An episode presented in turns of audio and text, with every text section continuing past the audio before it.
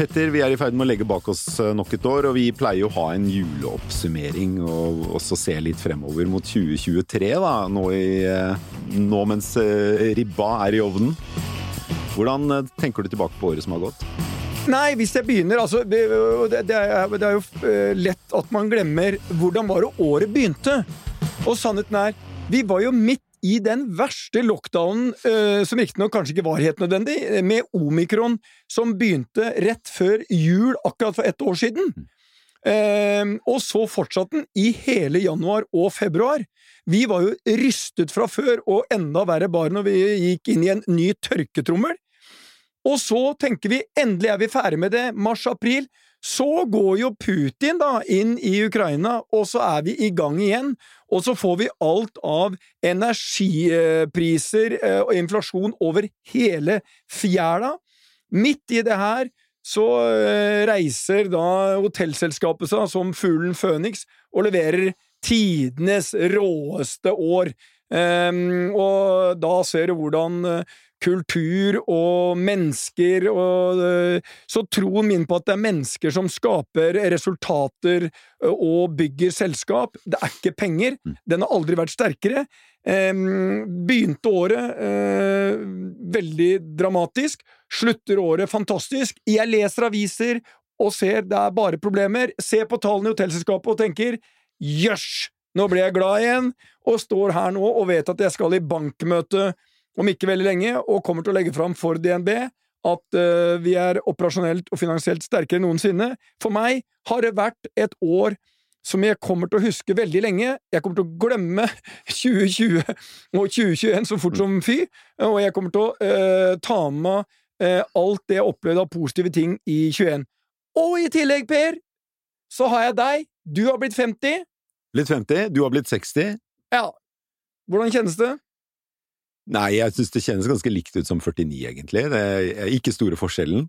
Jeg syns jo året som har gått, har vært eh, litt tungt, egentlig. Det startet jo veldig dårlig med omikron-lockdown eh, en kort tid, og, og, krigen i Ukraina har jo vært eh, sjokkerende, jeg si. Men ja, jeg vet ikke. Jeg er ikke sånn veldig positiv til 2023 heller. Det er jo min rolle av oss to å være den negative, og du er den positive. Ser du frem til 2023?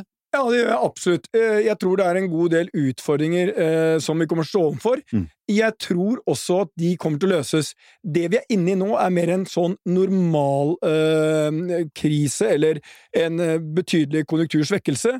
Mye kjøpekraft blir trukket inn. Mm. Men man skal huske på at mest sannsynlig, Per, og det må vi ikke glemme, så er boligprisene Vi leser om boligprisfall hele tiden. Mm. Mest sannsynlig så er de på et nivå nå som de var kanskje, eller kanskje over, det var før pandemien. Hvis vi ser på reallønna di, så er den mest sannsynlig, som for mange andre, på et nivå nå som er kanskje litt høyere enn det var før pandemien. Ja, kanskje litt. Og, ja, og det, er, og, og det betyr at det, du hadde det jo veldig bra før pandemien. Og du har det relativt sett samme nå, men du, du Altså, media har brukt huet vårt som en søppelbøtte for dårlige nyheter over eh, de siste månedene, og det preges oss. Mm. Så vi må ikke la pessimistene nå, pessimismen, få fotfeste.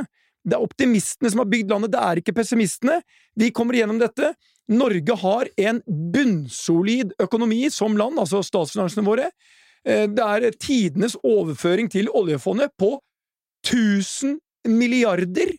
Eh, så vi har eh, kanskje verdens beste forutsetninger for å komme gjennom dette på en fornuftig måte. Så håper jeg at regjeringen, det er mitt håp for 23, skal støtte minstepensjonistene, pensjonistene, sånn at ikke denne energiprisen skal slå for negativt ut. For de fortjener det overhodet ikke og vi har penger til å løse det, og jeg tror ikke det kommer til å endre veldig mye på inflasjonen. Så, ja, jeg tror det blir noen eh, måneder som er litt krevende, men jeg tror 23 kommer til å vise seg å bli veldig bra.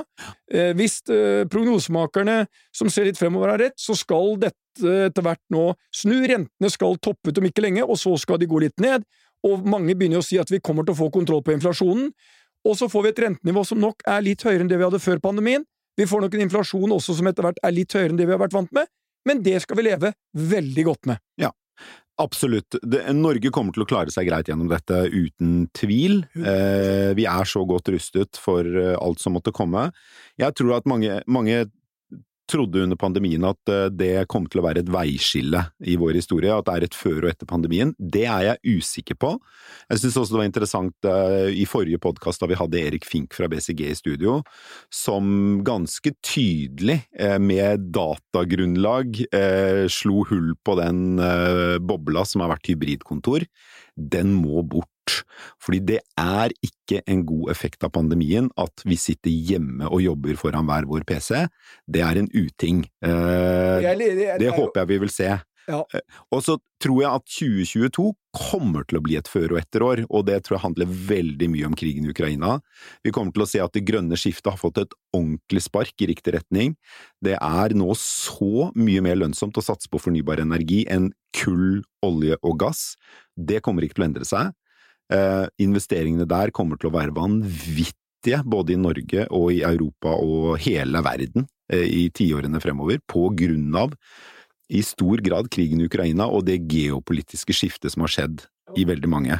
Dreiningen bort fra Russland, ikke minst dreiningen bort fra Kina av eh, hele vestlige næringsliv, har vi bare så vidt begynt å se effekten av. Så globaliseringen er dessverre død og begravet.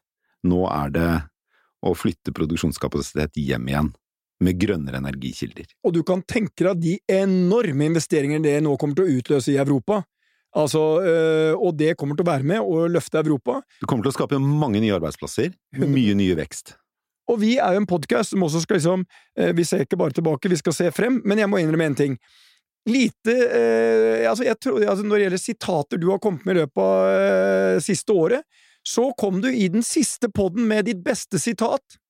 Når du kalte BSG den lille gutten som sa til keiseren han har ikke noe klær! Han er naken!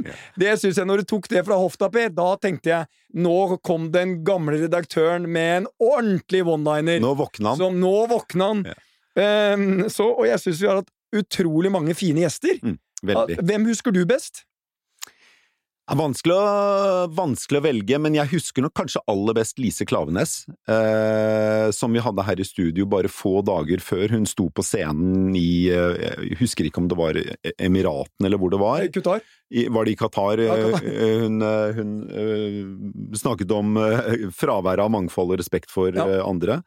Eh, det var sterkt. På det tidspunktet var hun jo veldig usikker på hvordan det ville slå ut, og hun var også usikker på om hun skulle reise av egen personlig sikkerhet.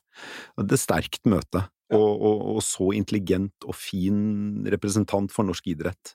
Og så må du, Jeg husker også godt uh, vår uh, tidligere finansminister Siv Jensen. Ja. Det var også en veldig fin pod. Som var jo en, en, Altså, det var jo som å se et nytt menneske.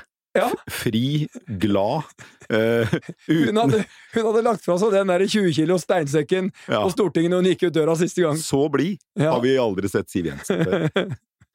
Ja, men Det har vært et godt år, Petter. Vi gleder oss til neste år. Vi kommer til å ses her igjen, vi med sikkert veldig mange andre kule, spennende gjester som lærer oss og forhåpentligvis lytterne mye. Og Ideen vår er at vi skal eh, få tak i de folkene som forteller sin historie. Og det syns jeg vi har vært eh, flinke til. Eh, og selv om hovedtemaet er økonomi, så er det egentlig økonomi og livet og hvordan vi sammen kan gjøre Norge til fortsatt å være sannsynligvis verdens beste land. Og med det er det vel bare å ønske lytterne våre en riktig god jul og et godt nytt år. Det gjør vi. Takk for nå. Takk for nå.